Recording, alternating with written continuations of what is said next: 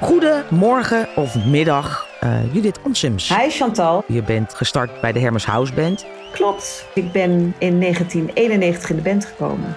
En ik ben er in 2005 mee gestopt. Nu hebben we allerlei streamingsdiensten, zoals een, uh, een Spotify en een Apple Music. Heb je dan enig idee hoe vaak dat nog gestreamd wordt? Zeg maar dus het nummer I Will Survive. I Will Survive weet ik niet, want Country Roads is eigenlijk onze grootste hit. En daarvan weet ik dat die uh, 130 miljoen keer gestreamd is. Jeetje. Bizar, hè? Ja, daar kan je niks bij voorstellen gewoon. Helemaal niks.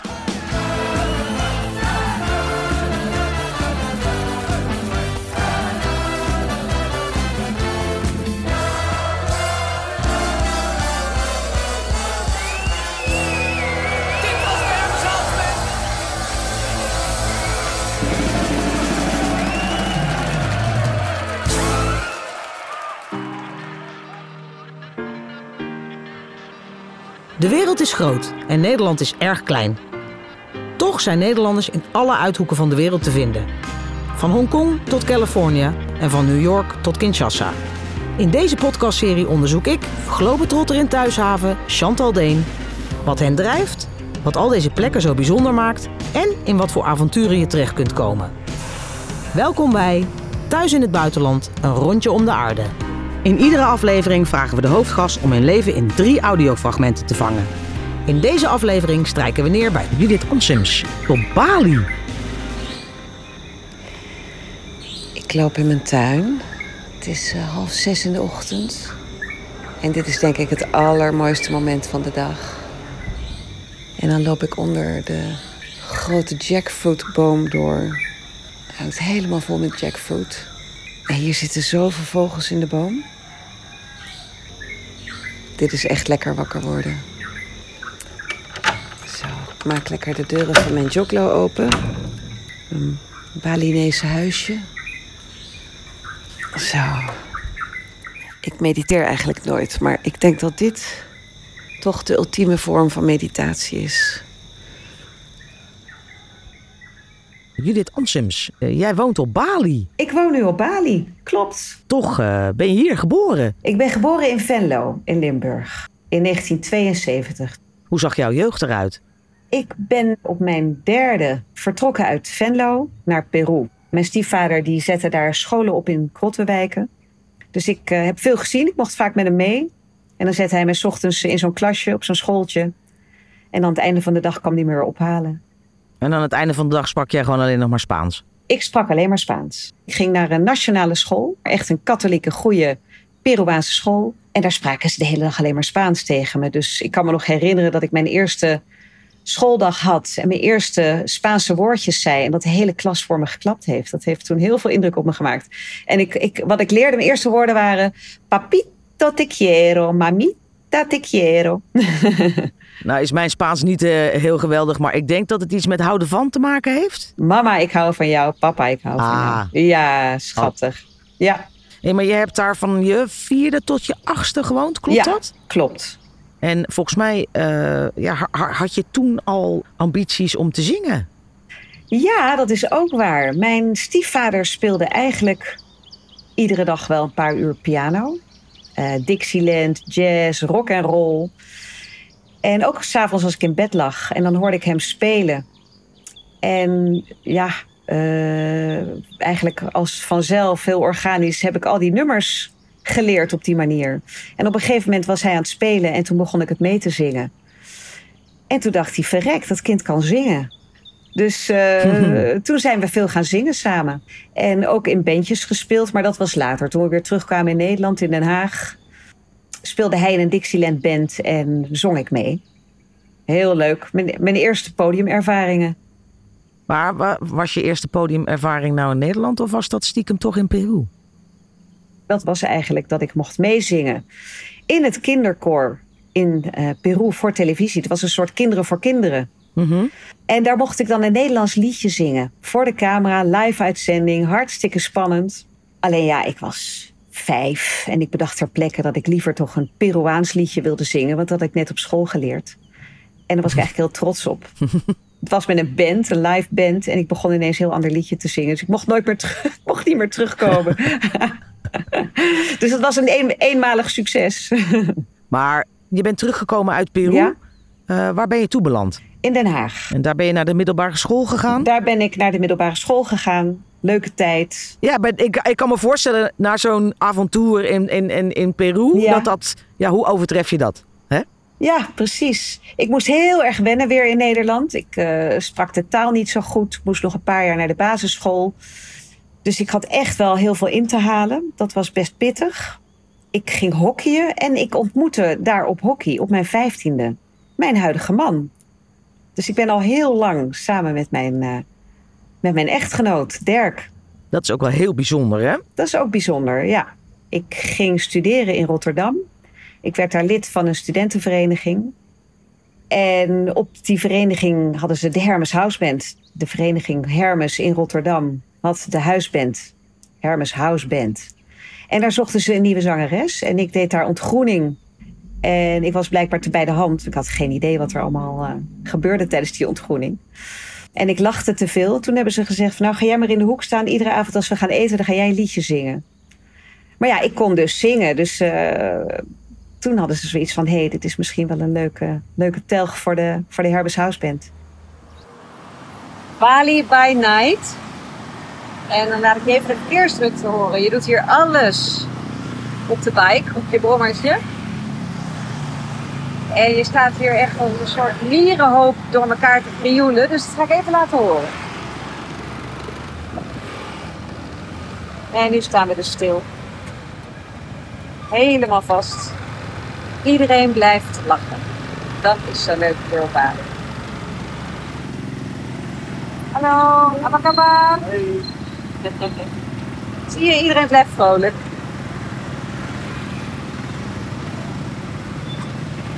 Hallo, apa kabar? Gewoon lekker met iedereen een praatje maken. Joehoe!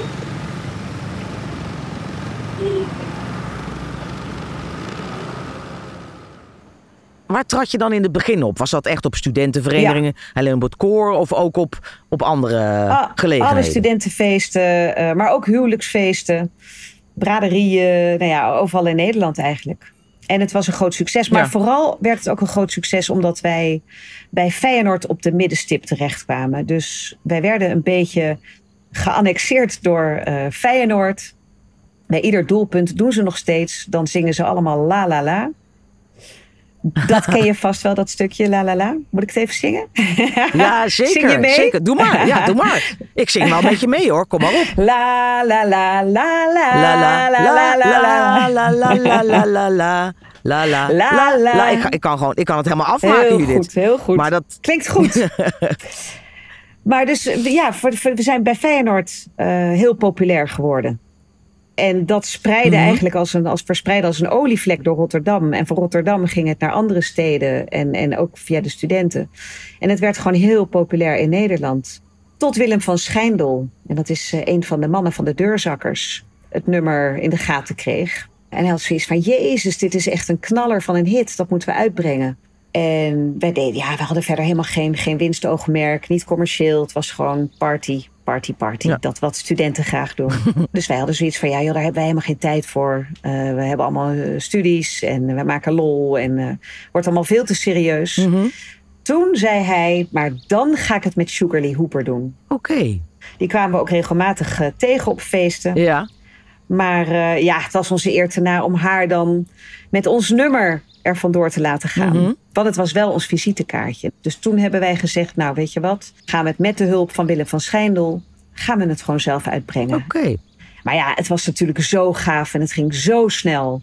Kun, kun je nog terug ons meenemen van wanneer dachten jullie, wow, dit is groter dan we ooit hadden durven dromen? Nou, de eerste keer dat ik mezelf op de radio hoorde, was voor mij denk ik wel het moment dat ik dacht: wow, wat is dit gaaf. Ik reed op de A4 in mijn gifgroene of appeltjesgroene Auto Bianchi. Ja. En ik, st- ik stond in de file van eh, Den Haag naar Rotterdam. En ik hoor bij Frits Spits op de radio, hoor ik I Will Survive met mijn stem. Nou joh, ik, ik, ik, ik had wel op mijn dakkie kunnen gaan staan. en het van de daken willen schreeuwen. Ja. Van jongens, dat ben ik! Ja. Ik ben op de radio! Frits Spits heeft ons eigenlijk gelanceerd in, eh, in Ah, Medialand. kijk. En toen werd het zo, zo hard opgepakt door iedereen. Eh, we werden in iedere show gevraagd. Er moesten meer singles opgenomen worden. Ehm, ja, dat was, was eh, hysterisch. En, en hoe uitte die, die hysterie zich? Nou ja, dat je samen met Marco Borsato backstage staat je op te warmen bij een, bij een vuurkorf. Eh, hij had toen net zijn nummer één hit, Dromen zijn oh bedrog. ja. ja. Hij stond volgens mij tien weken op één. En wij hebben hem daarvan afgeknald Oeh. met ons nummer. Dus dat was natuurlijk hartstikke leuk. De optredens worden groter, druk, hè, drukker bezocht. Eh, mensen zingen alle nummers. Ja, je wordt gewoon in één keer bekend in Nederland. ja. Maar ook een beetje daarbuiten, toch? Ook een beetje erbuiten. Nou, voor mij persoonlijk, want ik studeerde op een gegeven moment af. En dan eh, moet je uit de band. Oké. Dus ik ben uit de band gegaan. En eh, ik ging werken voor een reclamebureau. En toen werd ik gebeld door de jongens van de band. Van joh, Jut, het is eh gekkenhuis, maar we gaan de grenzen over. Het begon in Frankrijk eigenlijk. Via toeristen. Het is gewoon ja, per ongeluk de grenzen over gegaan. En toen Ja. werd Frankrijk voetbalkampioen. Ik durf de datum niet te noemen, want dan zit ik vast weer verkeerd. 98 of zo? Eh, Dat zou kunnen. 98. Nou, laten we het houden op 98. Toen ging, ging, eh, werd, werd eigenlijk dat hele kampioenschap gekoppeld aan I Will Survive. Aan onze versie van I Will Survive. Oké. Dus we hebben in Frankrijk ook weken op nummer 1 gestaan. Ja. Ja. Wauw. En toen kwam Duitsland. En toen kwam Spanje. En toen kwam Mexico. En toen kwam Azië. Italië. Brazilië.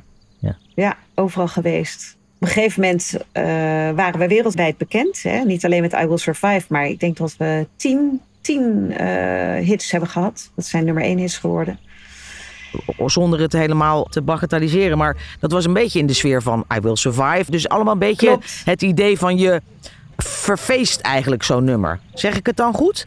Ja, ja, nou dat waren natuurlijk eigenlijk, ja, zoals I Will Survive was al een feestnummer. Ja.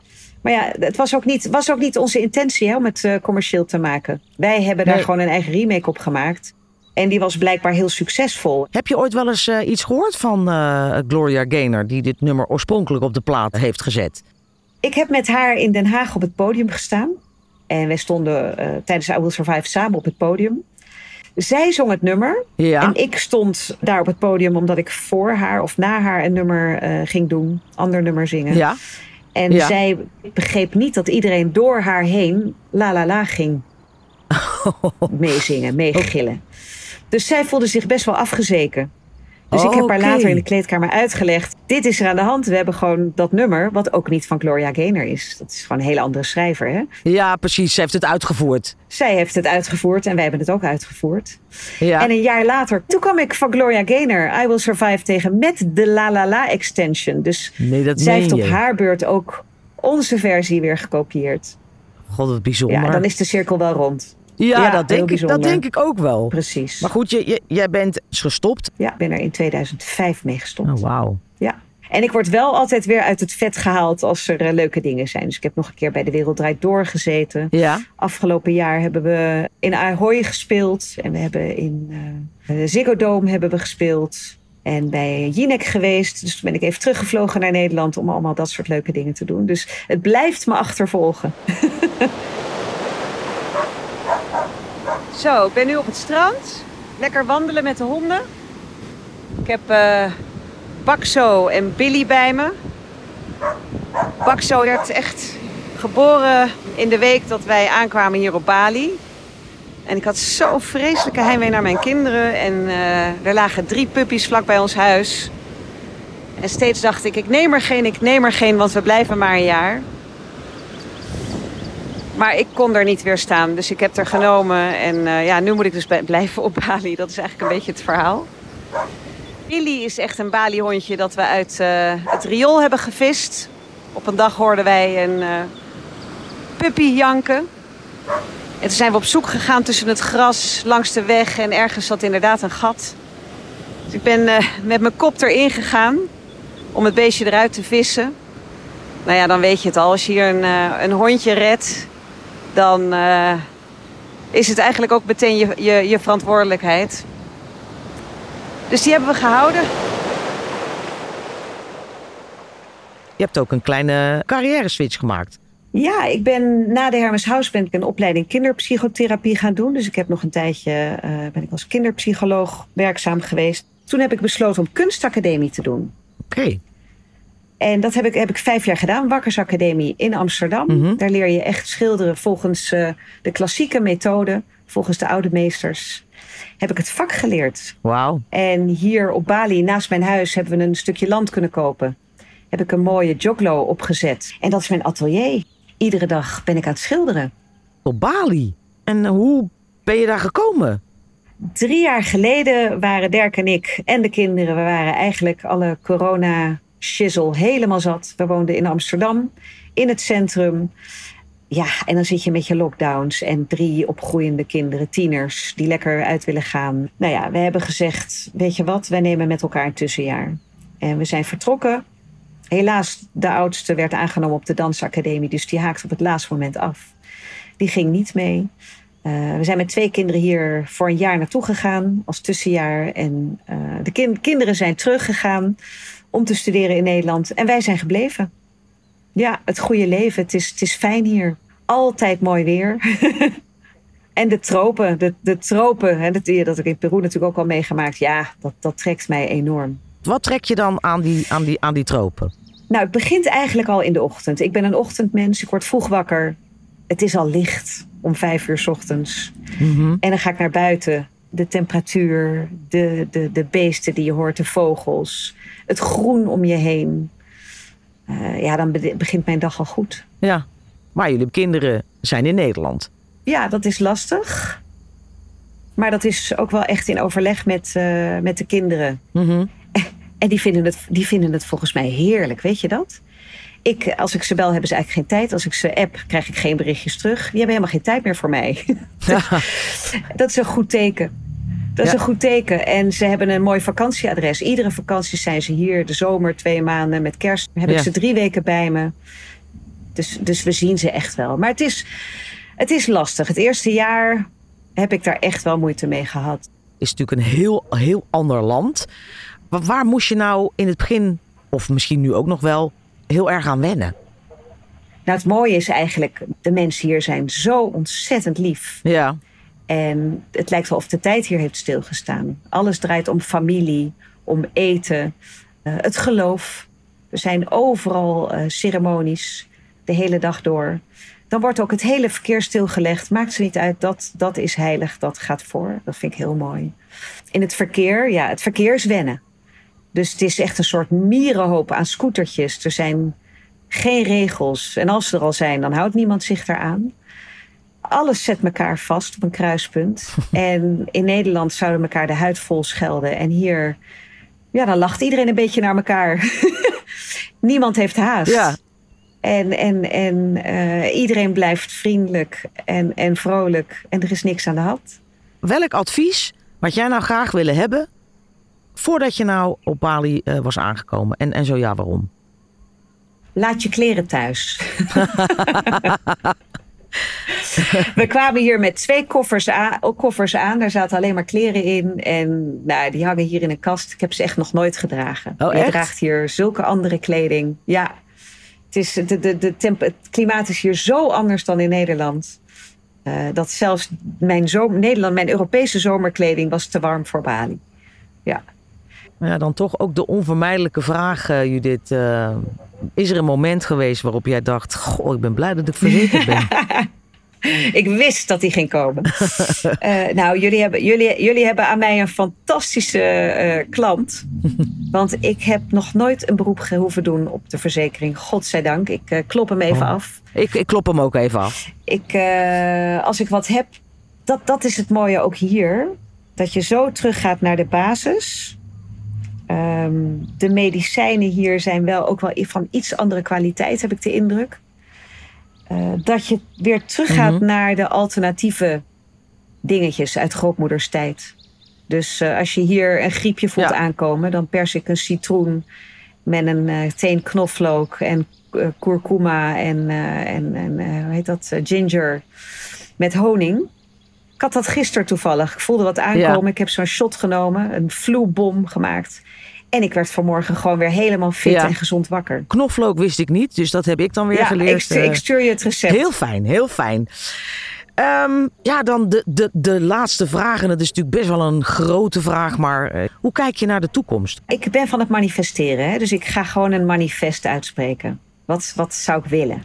Nou, laat maar horen. Ik wil met mijn kunst verder doorgroeien. Dat is denk ik wel echt als je naar het buitenland wil verhuizen. Neem je passie mee. Mhm. In Indonesië mag je als buitenlander niet werken.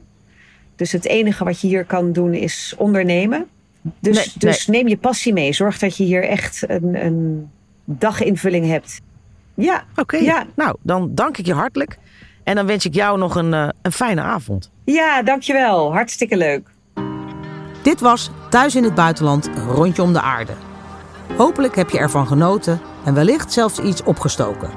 Woon je zelf in het buitenland of heb je die ambitie?